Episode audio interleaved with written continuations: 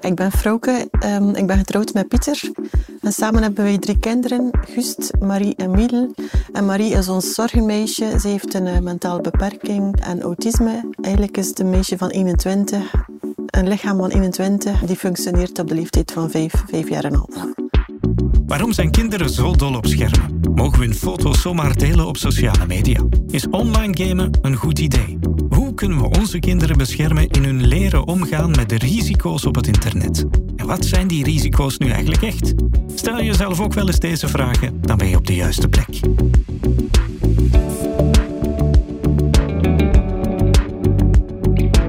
Welkom bij Digitaal Ouderschap, een podcast van Beddernet, Belgische Centrum voor een Veiliger Internet. In elke aflevering delen een ouder en een expert hun ervaringen om een antwoord te bieden op al je vragen over de digitale gewoonten van kinderen, gezinnen en ouders. In deze aflevering onderzoeken we hoe kinderen en jongeren met een verstandelijke beperking of bijzondere opvoedingsbehoeften media gebruiken. Hoewel deze kinderen niet zo verschillend zijn van andere kinderen, zijn ze vaak extra kwetsbaar en zijn er bepaalde zaken waar we toch rekening moeten mee houden. Voordat we in gesprek gaan met Frauke, onze ouder van vandaag, en Davy van Mediawijs, geven je enkele cijfers van het Medianest-onderzoek.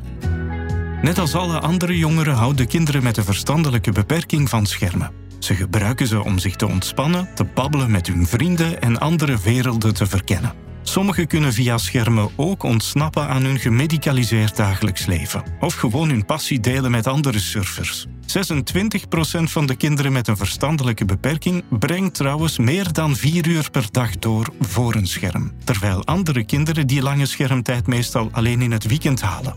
Hoe komt dat? Wel, ouders benadrukken dat in hun context schermen een vorm van structuur bieden en de dagelijkse organisatie soms vergemakkelijken. Die momenten voor het scherm kunnen ook voor kalmte zorgen en de rust doen weerkeren. Ouders beschouwen schermen dus soms als geruststellende hulpmiddelen en 64% van hen, en dat is meer dan het gemiddelde, geeft zelfs toe ze af en toe als beloning te gebruiken.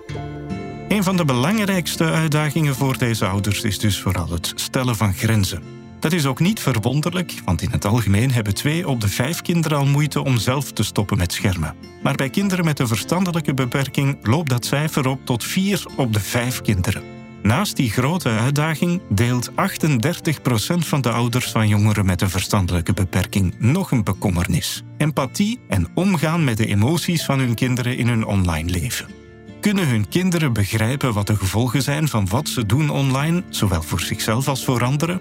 En als derde punt vragen ouders zich tot slot af hoe hun kinderen interpreteren en begrijpen wat ze zien, horen en lezen in posts, berichten en video's die de revue passeren op sociale netwerken.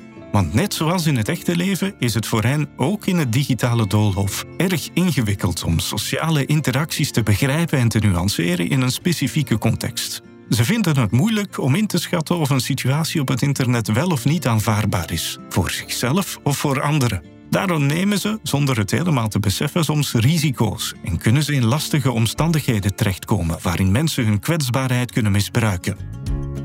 De werking en structuur van sociale netwerken en digitale media zijn niet aangepast aan de behoeften van die kinderen. Dat maakt het extra moeilijk voor hen en maakt hen nog kwetsbaarder als ze surfen op het internet. Dat is ook wat opvoeders en leraren in het buitengewone onderwijs beklemtonen. Kinderen met een verstandelijke beperking hebben moeite om hun weg te vinden en zich te oriënteren op het internet. Toch staat die kwestie slechts op de derde plaats als we ouders vragen naar hun belangrijkste bekommernissen.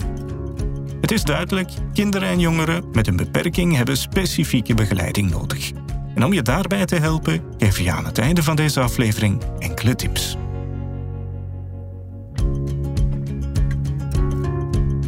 Dag Frauke. Um, ik ga ervan uit dat uh, schermen in jullie gezin aanwezig zijn. Absoluut, overal en altijd. kan je iets vertellen zo van wat, wat, er allemaal in jullie gezin op schermen gebeurt? Allee, vooral de kinderen natuurlijk. Ja, um, ze hebben alle drie gsm, uh, we hebben ook tablets. Dus ja, zij zijn daar eigenlijk heel, heel vaak mee bezig. En eigenlijk hebben wij de regel in, uh, in ons gezin gehad van op het moment dat ze vormsel deden, kregen ze een gsm. Oké, okay, een dus eigen telefoon. Een eigen telefoon, ja. En Marie heeft ook eigenlijk een eigen telefoon en een eigen tablet. Uh, is dat een bewuste keuze van jullie? Om, want het lijkt wel dat er veel schermen... Allee, je spreekt over tablets, je spreekt over elk hebben ze een telefoon. Is dat een bewuste keuze van jullie? Zijn jullie pro-technologie, of hoe moet ik dat zeggen? Het is zo dat uh, Marie ook op, op internet zit dus, en eigenlijk nu woont ook in de voorziening. Ja. Dus zij wou, voor haar, um, zij, wou voor, zij wou sparen ook voor een, een tablet. En uh, we dachten ook wel van, eigenlijk is dat op zich ook wel een mooie tijdsverdrijf voor haar. Uh -huh. Zij kan daar eigenlijk zeer vlot mee om. En wij hebben zoiets van, ay, wat dat we kunnen doen, hetzelfde voor de broers, willen we eigenlijk ook wel voor haar doen. Dus ja, vandaar ook wel die keuze. En lijkt dat, misschien eerst even over die broers. Ja. Wat is volgens jou dan de meerwaarde van hè, die, al die schermpjes voor die broers? Ja, uh, mee zijn met de wereld, connectie met de vrienden. ehm, Dat zie je elke dag. Dat, dat zie je elke dat dag. doen, ja, ehm, ze studeren ook alle, allebei. Al het middelbaar begint met Smart School. Nu is dat Toledo. Ja. Ehm, alles wordt ook digitaal. Dus ja, het zou eigenlijk wel... ay, we zouden ze wel een digitale kloof opzadelen, moesten we daar niet in meegaan. Wij hebben ook alle twee, mijn man en ik ook alle twee een gsm. Dus ja, het is iets dat heel prominent in onze zin ook wel aanwezig is. Het zorgt ook wel voor veiligheid. Als ze weggaan. Ja, contact leggen, want bellen is niet meer Nee, van nee, deze nee, wereld. Dus dat is voor boomers. Ja, dus dat, dat doen wij nog, maar zij niet. Ja, en eigenlijk gebruikt Marie het eigenlijk ook op die manier ook wel. Zij belt wel veel, hè, want zij kan niet Echt schrijven. nog telefoneren? Ja, ah ja, ja, omdat ze niet kan schrijven. Zij kan niet en- schrijven, zij kan niet lezen, dus zij belt wel heel veel. Eh, maar voor haar is het ook wel een, een, een blik op de wereld mee te kunnen zijn, foto's delen. Ja, het, is, het zit in heel veel dingen. Hè. Ja, je kunt het niet Ja, meer is, er zo, is er zoiets waar je zegt van, goh, goed dat we dat toestel hebben, al of dat zij dat toestel heeft, en dat wij misschien ook toestellen hebben, want dat is toch echt wel, doordat ze dat heeft, heeft ze toch wel, weet ik veel, meer mogelijkheden, of, of en zie je daar, heb je daar zo wat voorbeelden van, van wat is echt zo'n voordeel voor Marie, dat ze dat Ehm, toestel heeft? Mediawijsheid werd ook in de klas op hun niveau ook aangebracht. En zeker in de corona ehm, was dat voor hen ook wel eh, een middel om, om contact te zoeken tussen de klasgenoten. hè. Want online lesgeven, ja, in buitengewoon onderwijs was dat niet aan de orde. Was er wel een beurtrol van juffen die, die af en toe een keer belden naar haar om contact te zoeken. Ehm, en hebben ze eigenlijk de klasgenoten onderling elkaar ook wel gevonden via via Facebook. Ay, dan, ofwel hadden ze zelf Facebook, ofwel van de ouders. En eigenlijk is ze daar wel leren communiceren op die manier.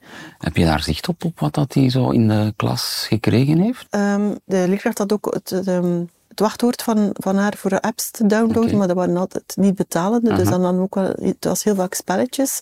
Maar eh, bijvoorbeeld eh, Google Street View is ze daar dan ook wel ontdekt. En dan was ze zo overal zeer nieuwsgierig wie dat er waar woonde, of dit of dat.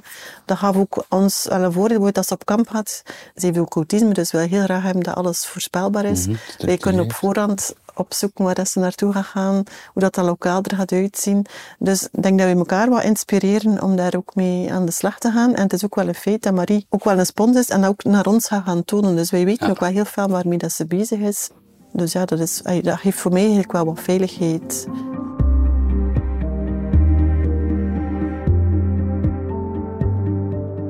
Dus eigenlijk zeg je, eh, ondanks het feit dat, dat zij niet kan lezen en niet kan schrijven, kan die eigenlijk met zo'n media wel heel hard om. En gebruikt ze een aantal dingen die wij misschien gewoon leuk vinden, dat, je, dat we visueel daar iets op krijgen, dat wij misschien in C niet nodig hebben, maar dat zij net heel hard gaat gebruiken als sterkte. Ja, is ook niet bang van haar toestel, dus zij duwt ook op alles en nog wat. Wat soms Trial wel... and error, Ja, zoiets. trial and error. Wat dat maakt, dat ze ook wel een aantal dingen ontdekt. Ze heeft eh, een zeer visueel geheugen, dus ze ziet ook zeer snel, ze herkent heel snel. Uit Spotify herkent ze ehm, eh, hoezen van, van, eh, Van platen van plaat, waarmee dat ze dan liedjes terugvindt als ze de titel niet heeft. Want als wij de titel niet hebben, ja, dan hebben we een probleem. Maar ze vindt het terug via de, via de hoezen. En eigenlijk...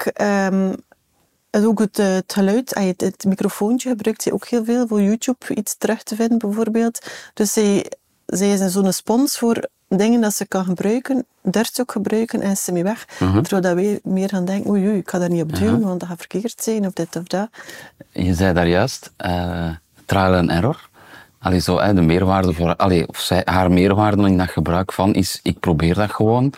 Ik denk dat heel wat ouders, hè, ook van kinderen met een beperking bijvoorbeeld, op dat moment zoiets oh, heel in de kramp gaan schieten van, wacht, wat zou er met die trial and error dan allemaal, want ze klikken misschien niet altijd op goede dingen en ze klikken misschien ook soms wel eens op spullen die we niet willen bijvoorbeeld. Hè.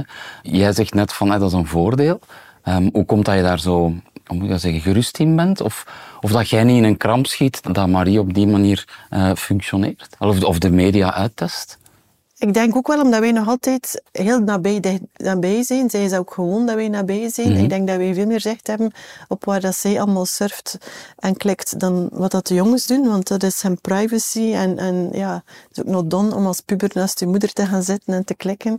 Maar bijvoorbeeld... ehm, om apps aan te kopen, moest, moest eigenlijk inloggen via ons, eh, ons wachtwoord. En kregen we daar een bevestiging Ja. van, bijvoorbeeld. Hè. Ook aankopen kan ze zelf ook niet doen.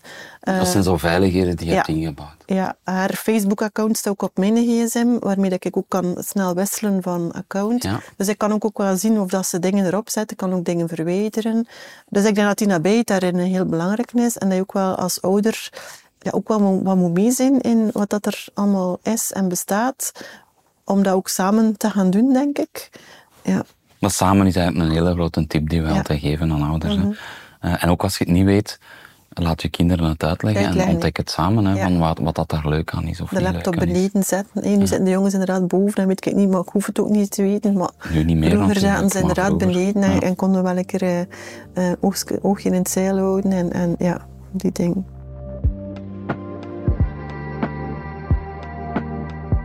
Maar vindt ze ook mensen als ze... Maar misschien ben jij dat ook, hè? Uh, Frauke, dat weet ik niet. Maar vindt ze ook mensen als zij met haar digitale... Waar ze met haar digitale vragen terecht kan? Iets dat, weet ik veel, iets dat niet lukt of iets dat ze niet kan of, of iets nieuws dat ze wil proberen. Is er daar, eh, is er daar voor haar een aanspreekpunt? Of heeft zij zelf zo iemand bedacht? Of Haar broers meestal. Ja, toch haar broers, ja. Ze ziet ook wat, ehm, wat dat haar broers doen. Ze wil ook altijd doen wat dat haar broers doen. hè.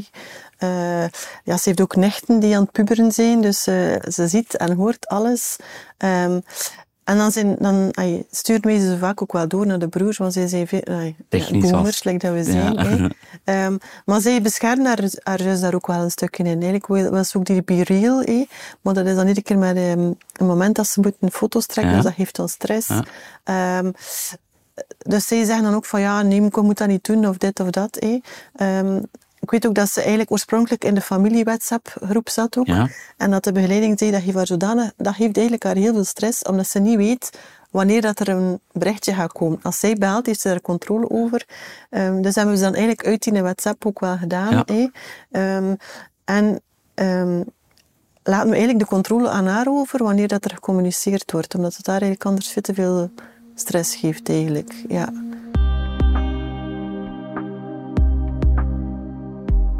Vrouw, ik had nog een vraagje. Je hebt, ehm, ehm, je hebt het gezegd, hè, de sterkte van ons gezin, of, of waarom dat wij ons niet zo'n zorgen maken eh, in het gebruik van, eh, van Marie haar schermen, of de schermen door Marie, ehm, is het stuk dat, dat, dat er altijd volk rond haar is, en dat er Ja. veel nabijheid is, en dat jullie de, de dingen zo wat in de gaten houden. Maar is nabijheid, is dat ook, is dat ook controle? En dan echt controle, controle, bedoel ik dat echt? Of is dat, of is dat iets helemaal anders? Moeten jullie controle voeren? Ehm, of doen jullie dat? Ik kan haar controleren wel. Ik zie wat dat er op haar Facebook opkomt, dus dat is eigenlijk wel een stukje controle. Maar zij vraagt ook heel, zelf ook heel vaak nabijheid. Ehm, en eigenlijk heeft ze zij ons ook wel dat vertrouwen gegeven dat er op zich eh, weinig mislukt. Of dat zij ook wel niet op dingen komt die gevaarlijk zijn voor haar. Maar wij hebben wel die financiële controle over Ja. haar. Zij kan geen aankopen doen zonder ons, dus ik denk dat dat een heel belangrijk is. Ik denk dat het ook wel belangrijk is dat je daar ook wel in gesprek in gaat. Hè? Want als kinderen het voelen van ik word hier gecontroleerd en er is geen vertrouwen, of, of, ehm, dan gaan ze toch andere dingen doen, denk ik. Ook wel waarom dat zo belangrijk is. Ook op dezelfde golflengte zitten. Ik denk dat dat ook wel een belangrijk is. Dat je dezelfde boodschap krijgt van een opvoeder, van een, van een school, van een meester of een juffrouw. En dat kan soms minder bedreigend zijn dan, eh, dan dat de ouders daarop zitten, ook wel. Ehm, dus zit daar inderdaad een, een, een, een kleine grens tussen. En dan vind ik het wel soms... eh, bij ons is Marie zodanig kwetsbaar dat ze ons nodig heeft voor heel veel dingen. Dus dat is voor ons een poort die open staat. Maar ik denk dat het voor sommige ouders wel moeilijk is van waar ligt die ethische grens tussen dat controleren Ja. en dat nabijheid zijn. Ik denk dat gesprek daar rond een heel belangrijk is. Misschien als afsluiting, Frauke, ehm, heb je een, eh, een anekdote dat je ons kan mee... Of zo'n... Dat kan iets grappigs zijn of iets triestigs zijn, maar gewoon hè, een anekdote die, die Marie en haar telefoon of haar andere schermpjes, die daarover gaat? Ja, eigenlijk wel. Marie is zo... ehm, eh, is zo heer en meester om op mijn emotioneel knopje te duwen. en, uh, maar ze was nog klein hoor. En uh, ik was even op brood eh, en de jongens waren thuis. En opeens zie ik een bericht en ze had dat daar zelf opgenomen en ze had gezegd: Ik ben zo eenzaam zonder jou. Dus manipul manipuleren is ook wel een zeer goede eigenlijk. Ik vraag me niet waar ze dat liedje gehaald had, maar op dat moment kwam het wel binnen. Anderzijds is het ook wel kei mooi, hè? Ja. de boodschap die ze wou geven. En ze heeft haar manier gevonden om het te doen. Ja, dat is Marie ten top eigenlijk. Om deze aflevering af te sluiten, geef je drie tips om kinderen met een beperking te begeleiden. Maar die tips gelden ook gewoon voor alle kinderen. Eerste tip: beleef leuke momenten online met je kinderen. Soms kan de manier waarop kinderen met schermen omgaan leiden tot spanningen en conflicten in het gezin. Probeer het online leven dus te normaliseren. Daarom raden we je aan om actief deel uit te maken van die online ervaringen en je kinderen erin aan te moedigen. Neem deel aan hun online leven, net zoals je zou doen bij hun offline activiteiten. Die band maakt de gezinsrelatie sterker en zorgt ervoor dat je je kinderen kan helpen als ze vragen of problemen hebben. Tweede tip: vind een evenwicht tussen ouderlijk toezicht en het recht op privacy van je kind. We hadden het er al over. Het is belangrijk om op een open en geruststellende manier te blijven communiceren met je kinderen. Ouderlijk toezicht is zeker belangrijk, maar vergeet niet dat het mee moet evolueren naar gelang de leeftijd van je kinderen. Leg je kinderen ook uit dat ouderlijk toezicht dient om hun veiligheid op het internet te waarborgen. Het is niet jouw bedoeling om alles gewoon te controleren, maar je wil je kinderen beetje bij beetje meer autonomie geven door hun digitale vaardigheden te helpen ontwikkelen. Als je kinderen een wachtwoord moeten kiezen, kan je bijvoorbeeld aanraden dat ze het op een papiertje schrijven en het in een gesloten envelop stoppen. Ze hoeven het niet met jou te delen als ze dat niet willen. Maar zo kunnen ze het wachtwoord wel altijd terugvinden en als het echt nodig is, jij ook. En een laatste tip in de vorm van een vraag: wat als er problemen zijn? Ten eerste, oordeel niet. Wanneer je kinderen hun zorgen delen, blijf dan open en begripvol. Probeer niet te oordelen en ga voor een respectvolle en vriendelijke dialoog. Vertrouw op je kinderen en erken en respecteer hun ideeën, gevoelens en ervaringen. Zeg aan je kinderen dat je het heel erg op prijs stelt dat ze hun zorgen met jou delen. Het is belangrijk dat je kinderen weten dat ze vrijuit mogen spreken over hun online leven. Zo voelen ze dat ze bij jou terecht kunnen als er problemen zijn, zonder bang te zijn.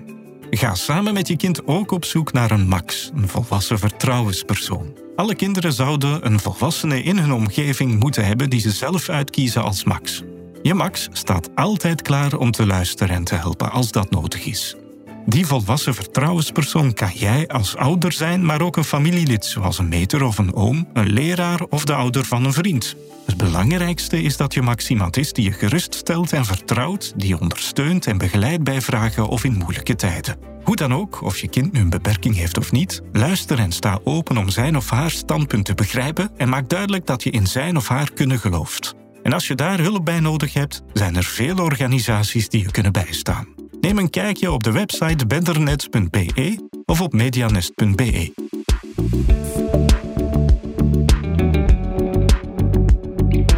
Je hoorde zojuist de derde aflevering van de podcast Digitaal Ouderschap. Die is het resultaat van een samenwerking tussen Child Focus, Media Animation, de Conseil Supérieur de l'Éducation Média en Mediawijs. De podcast kwam tot stand dankzij een cofinanciering van het Digital Europe-programma van de Europese Commissie in het kader van het Betternet-project.